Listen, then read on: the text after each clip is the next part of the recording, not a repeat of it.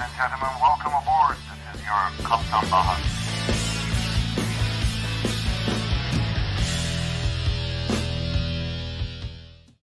Herkese merhabalar arkadaşlar. Ben Kaptan Baha, Bahadır Acuner. Geçtiğimiz günlerde size Instagram hesabımdan yaptığım bir uçuşun rotasını paylaştım. Hatta Türkiye üzerinden uçacağımı da söylemiştim. Ha Instagram hesabımı izlemiyorsanız, takip etmiyorsanız şurada linki var. Takip edin. Böyle günlük paylaşımları, güncel paylaşımları oradan çok fazla yapıyorum.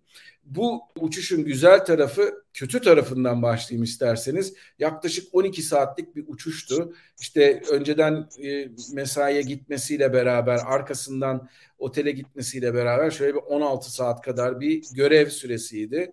Bunu 4 pilot olarak yapıyoruz tabii ki. Ama bu uçuşun en güzel tarafı da Bulgaristan'dan geçtikten sonra doğuya doğru giderken Türk hava sahasındaki arkadaşlarımızla konuşmaktı gecenin ikisi miydi, üç müydü o civarlarda bir saatlerde Bulgaristan hava sahasından geldik. Ta işte e, Batum'a kadar devam ettik. Oradan da Gürcistan hava sahasına giriş yaptık. Gecenin ikisi üçü demeyin gerçekten de o zamanlarda bazı sektörlerde arkadaşlar birbiri ardına o kadar yoğun trafikle uğraşıyorlardı ki hani neredeyse şöyle iki dakika iki saniye susup bir yudum su içecek kadar vakitleri olmadı. İşte bu nedenle de bugün özel bir konuğumuz var. Kendisi daha önceden de kanalımıza konuk olmuştu. Ee, Burak kardeşimizi çağırdım. Burak Doğru Yol bugün bizlerle. Sevgili Burak hoş geldin tekrardan kanala. Hoş bulduk abi. Merhaba nasılsın? İyiyim çok teşekkür ederim. Yardımlarınız için bu arada selamını da aldım o gün uçarken. Yardımlarınız evet. için gerçekten çok teşekkürler. Ama hakikaten e, kontrolör arkadaşlar bilmiyorum nasıl yapıyorlar. Gecenin ikisinde üçünde o kadar bir performans birbiri ardına uçaklarla konuşmak. Kimisi işte yükselmek istiyor. Kimisi diyor ki türbülans yaşadık alçağa almak, almanız lazım bizi diyor. Bu kadar yoğun bir ortamda çalışmaları gerçekten de özel bir yetenek isteyen bir iş yanılmıyorsam. Nasıl evet. yapıyorsunuz bu saha kontrolörlüğünü? Nasıl yapıyorsunuz bu Türkiye üzerinden geçen binlerce uçağı bir gün içerisinde çevirmeyi bunu biraz bize anlatırsan sevinirim. Şimdi e, şu şekilde abi saha kontrol dediğimiz olay tüm Türk hava sahasının e, kontrol edilmesi, tüm Türk hava sahasını kontrol ettiğimiz bir merkezimiz var. Buradaki kontrolör arkadaşlarımız, birisi de ben olmak üzere 7-24 çalışarak e, uçakların hava araçlarının daha doğrusu emniyetli bir şekilde uçuşlarını gerçekleştirmelerini sağlıyoruz. Bunlardan birisi de tabii ki transit uçuşlar. Senin de bahsettiğin gibi o gün arkadaşlarımızdan rica ederek tabii ki selamımızı eksik etmek istemedik sana. Hava sahamızda bir nevi misafir etmiş olduk aslında seni. Sağ olsunlar arkadaşlar da kırmadılar. Şu şekilde bizim hava sahamıza girip herhangi bir meydanımıza iniş yapmadan herhangi bir çıkış noktasından çıkıp e, hava sahamızı terk eden trafikler transit trafiklerdir. Hı hı. Bu transit trafikler e, bizim coğrafi konumumuz gereği biliyorsun işte Ukrayna hava sahası kapalı, güneyde Suriye hava sahası kapalı. Hani bizim hava sahamızın yoğunluğunu arttıran etmenler bunlar. Dolayısıyla hava trafik kontrolörlerimizin de iş yükünü olduğundan daha da çok arttırdı ve bu yıllardır bu şekilde sürüyor. Yani günde bir sektörde iki saat boyunca çalışıp daha doğrusu biz altı saat çalışıyoruz fakat iki saatlik bir dilimde onlarca trafikten sorumlu olmak kaydıyla trafik atmaya çalışıyoruz. Full konsantra konsantrasyon e, sağlamamız gerekiyor. E, işimize kendimizi vermemiz gerekiyor. Kendimizi odaklamamız gerekiyor. Frekansı, mandalı elimize aldığımızda her şeyi unutmamız gerekiyor. Bunlar evet. çok önemli çünkü insan sağlığı söz konusu. Senin e, uçuşundan bahsedecek olursam o uçuş özelinde yanlış hatırlamıyorsam bizim giriş noktalarımızdan Udros'tan giriş yapmıştınız. Tiflis Sanırım hava öyle. sahasında. Evet. Tiflis hava sahasında da e, hava sahasına da Rolin e, noktasından giriş yaparak hava sahamızı terk etmiştiniz. Hı hı. Bunun gibi Türk hava sahasını aynı anda kullanan yüzlerce uçak var. Tabii ki biz evet. bunu tek kontrolör olarak kontrol etmiyoruz bu trafiği. Birden fazla sektörümüz var. Bu sektörümüzün içerisinde yine upper, lower şeklinde ya da çeşitli şekillerde bölünmüş yine küçük sektörlerimiz var. Bu sektörlerde aynı anda zaman zaman 30 tane, zaman zaman 35 tane trafiği, 40 tane trafiği kontrol edebiliyoruz ve hepsinin birbirinden ayırmakla sorumluyuz. Peki bunları nasıl ayırıyoruz? Yani bizim ayırma minimumlarımız neler? Trafikleri e, örneğin havada aynı seviyede iki trafik bizim konflikt dediğimiz çarpışma ihtimalini doğuracak şekilde rotaları kesiştiğinde biz nasıl ayırmalar kullanıyoruz, neler yapıyoruz? E, bundan bahsedebilirim. Şöyle ki dikeyde 1000 fit, yatayda 5 mil ayırma kullanıyoruz. Trafikleri şimdi insanların kafasındaki genellikle şu oluyor. Uçaklar işte pilotlar uçağı uçuruyor, işte uçağı çeviriyorlar, tırmandırıyorlar, alçaltıyorlar. Aslında böyle bir şey yok. Sen de bir pilot olarak aslında e, hava trafik kontrolörü ve pilotun birbirine çok yakın, biri yerde biri havada fakat çok iç içe çalıştıklarını, birbirlerini tamamladıklarını e, takdir edersin ki sen de biliyorsun abi. Hani bu duruma açıklık getirecek olursak her hava sahasında, her ülkenin hava sahasında bir otorite vardır. Bu otoriteye bağlı hava trafik kontrolörleri o hava sahasında uçan uçaklara talimat verirler. Onların güvenli bir şekilde ayr- ayrımlarını sağlarlar. Onların güvenli bir şekilde hava sahalarına girip ve terk etmelerini sağlarlar. Biz bunda dediğim gibi 5 mil ayırma kullanıyoruz.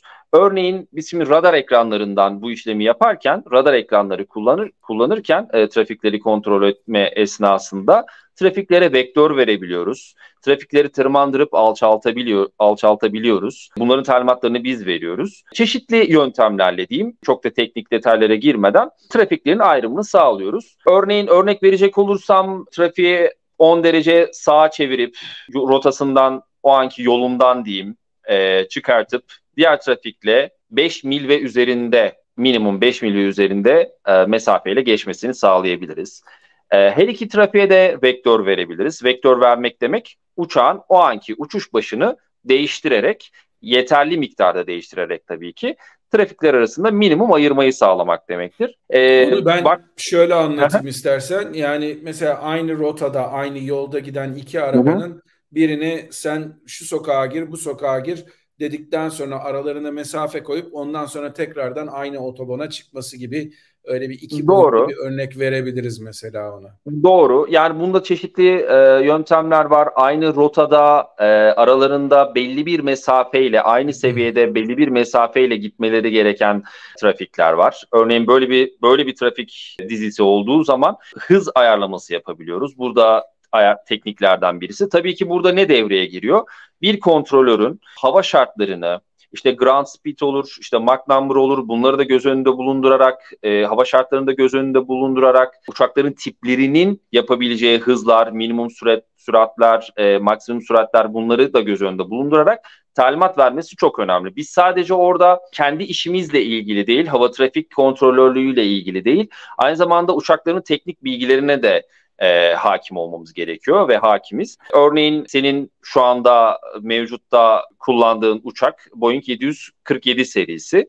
Benim bildiğim 85-86 maka kadar çıkabilen bir sürete sahip. Tabii ki bunların boş ağırlığı, dolu ağırlığı fark eder. Fakat biz evet. genellikle tabii ki ortalama değerleri biliyoruz. Ama örneğin bir Airbus 320'ye 85 mak yap diyemeyiz.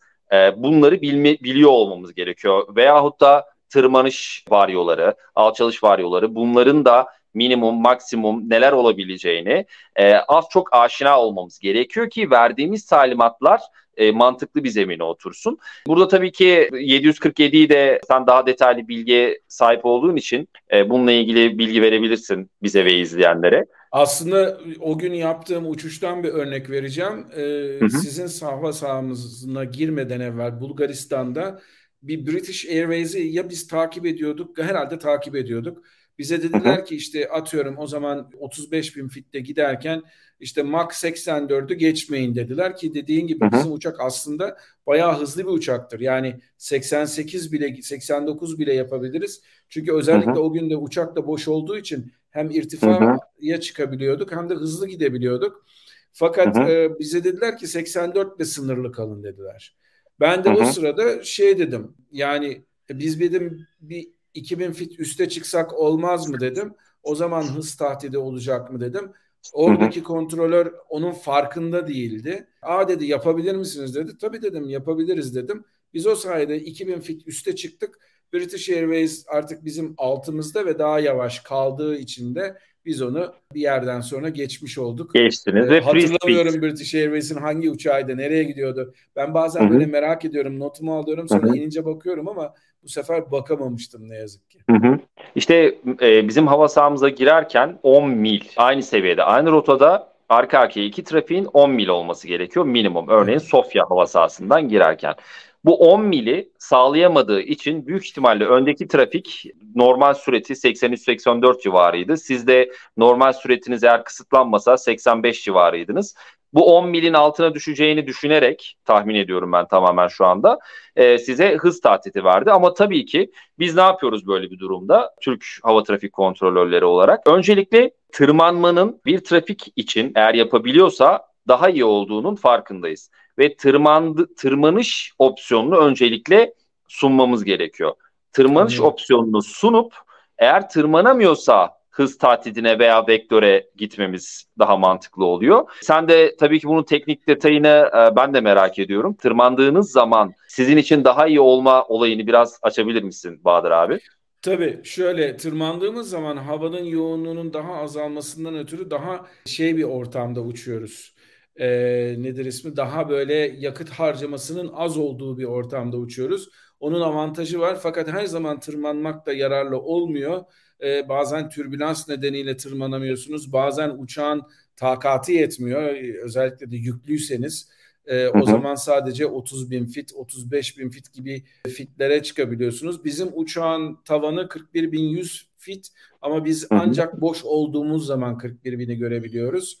Ee, onun da nedeni tabii ki belli fizik kuralları var. Ne kadar ağırsanız sizin yukarıya çıkmanız o kadar enerjiye ihtiyaç duyuyorsunuz. O enerjiyi de evet. elde etmek her zaman mümkün olmuyor tabii ki. Evet. Yani sürtünme azaldığı için yüksek irtifalarda evet. dolayısıyla yakıt tüketimi de azalıyor ve bu yüzden uçaklar evet. Bir şey soracağım. Yani dedim ya o gün çok yoğundu trafik vesaire vesaire hı hı. diye sizin hiç böyle hani böyle dalga dalga mı geliyor bu trafik yoğunluğu yoksa sürekli bir yoğunluk mu var? Onu... Ee, şimdi abi şu şekilde dalga dalga bizim rush dediğimiz işte üçlü, beşli, onlu e, arka arkaya üst üste sıralı şekilde de geldiği anlar oluyor. Tabii ki bu trafiğin nereden geldiğiyle, hangi sektöre geldiğiyle de alakalı. Bizde birçok sektör var ve her sektörün trafik yapısı çok fark edebiliyor. Fakat genel olarak söyleyecek olursam rush halinde gelen trafikler oluyor. Yani sıralı halde gelenler de oluyor. Fakat bizim yoğun olduğumuz e, saatleri biz farklı bir sistem üzerinden öğrenebiliyoruz. Yani e, şu saatler arasında e, örneğin 01 Zulu ile 02 Zulu arasında benim sektörümde 70 trafik olacak diye bunun bilgisini biz önceden sistem üzerinden öğreniyoruz. İlgili birim tarafından bunun bilgisi bize veriliyor. Biz de ona göre önlemimizi alıp o şekilde bir sektör yapılanmasına gidip işte upper sektör açıyoruz. Yani yüksek sektör açıyoruz. Bu ne demek? Yani bir e, üç boyutlu bir küp olarak düşündüğümüzde e, hava sahamızı yatayda ikiye bölüyoruz. Üst tarafı farklı bir kontrolör, alt tarafı farklı bir kontrolör arkadaşımız idare ediyor. Bu şekilde 70 trafiğin yükü iki kontrolör arkadaşımıza dağılmış oluyor bu şekilde emniyet daha çok sağlanmış oluyor. E, daha güvenli bir hava trafik akışı sağlanmış oluyor gibi hani basite indirgeyerek anlatabilirim. Çok yoğun olduğumuz saatlerde e, zaten e, Eurocontrol de bazen paylaşıyor. Rekorlar kırıyoruz. Havalimanlarımız olsun, İGA, İstanbul, Antalya meydanlarımız olsun, bizim Türk hava sahamız olsun, sağ kontrol olarak da rekorlar kırıyoruz. Özellikle bu yaz çok ciddi bir şekilde hava trafik kontrolörlerimiz inanılmaz bir yük, inanılmaz bir stresin altında, inanılmaz bir performans sergiliyorlar. Bu istatistiki olarak da bu veriler e, yayınlanıyor. Çünkü biz Eurocontrol hava sahasına tabiiz, bir parçasıyız ve Eurocontrol içerisinde her zaman önde gelen ülkelerden birisi olduk. Bu konuda da bu senin vesilenle meslektaşlarımı da tebrik etmek istiyorum. Tüm Türk hava sahasında çalışan kulede olsun, yaklaşmada olsun, sağ kontrolde olsun tüm meslektaşlarımın eline sağlık diyorum bu vesileyle. Evet, ben de onları tebrik ediyorum ki havacılık gerçekten havacılığa gönül veren insanların bildiği bir şey vardır. Siz olmazsanız biz olmayız, biz olmazsak Evet. kabin olmaz, kabin olmazsa teknisyen olmaz. Böyle müthiş bir her şeyin bir anda büyük bir eşgüdüm planlamasıyla e, Evet. gerçekleşmesi lazım ki her şey böyle İsviçre saati derler İngilizce'de Swiss Evet. watch gibi e, çalışsın. Her her seferinde e, uçuşlarınız aksaklık yaşamadan gitsin diye. Peki e, son olarak şunu sorayım. Şimdi genel anlamda insanlar bir yerden bir yere giderken iç hatlarda birazcık daha şey bir önlem ama örnek ama mesela atıyorum İstanbul'dan Amman'a gidecek bir tanesi veya Avrupa'ya örnek verelim. İstanbul'dan Londra'ya gidecek bir yolcu. İstanbul'dan Londra'ya gidecek olan bir yolcu ki benim mesela Amerika'ya uçuşum vardı İstanbul'dan Miami'ye. Orada bir anons gelmişti. Ziya Kaptan bir anons yapmıştı. Macaristan hava sahasındaki yoğunluk nedeniyle kalkışımız şu kadar gecikecek diye. Bunlar hı hı. nasıl planlanıyor hava trafikçiler olarak? Yani siz aynı zamanda kendi hava sahanızdaki yoğunluktan dolayı değil, aynı zamanda başka hava sahalarındaki yoğunluktan ötürü de bazen müzdarip olabiliyorsunuz. Bunu nasıl planlıyorsunuz? Veya böyle planlanmadan önünüze böyle bir problem düştüğü zaman çözümleriniz ne oluyor? Ee, şimdi şöyle zaten bunun en büyük örneği Ukrayna hava sahasının ve Suriye e, hava sahasının kapanması neticesinde e, hani bir yoğunluk olarak değil ama onların kapanması neticesinde hava sahamızın yükünün oldukça artmış olması. Zaten yüklü bir hava sahamız vardı.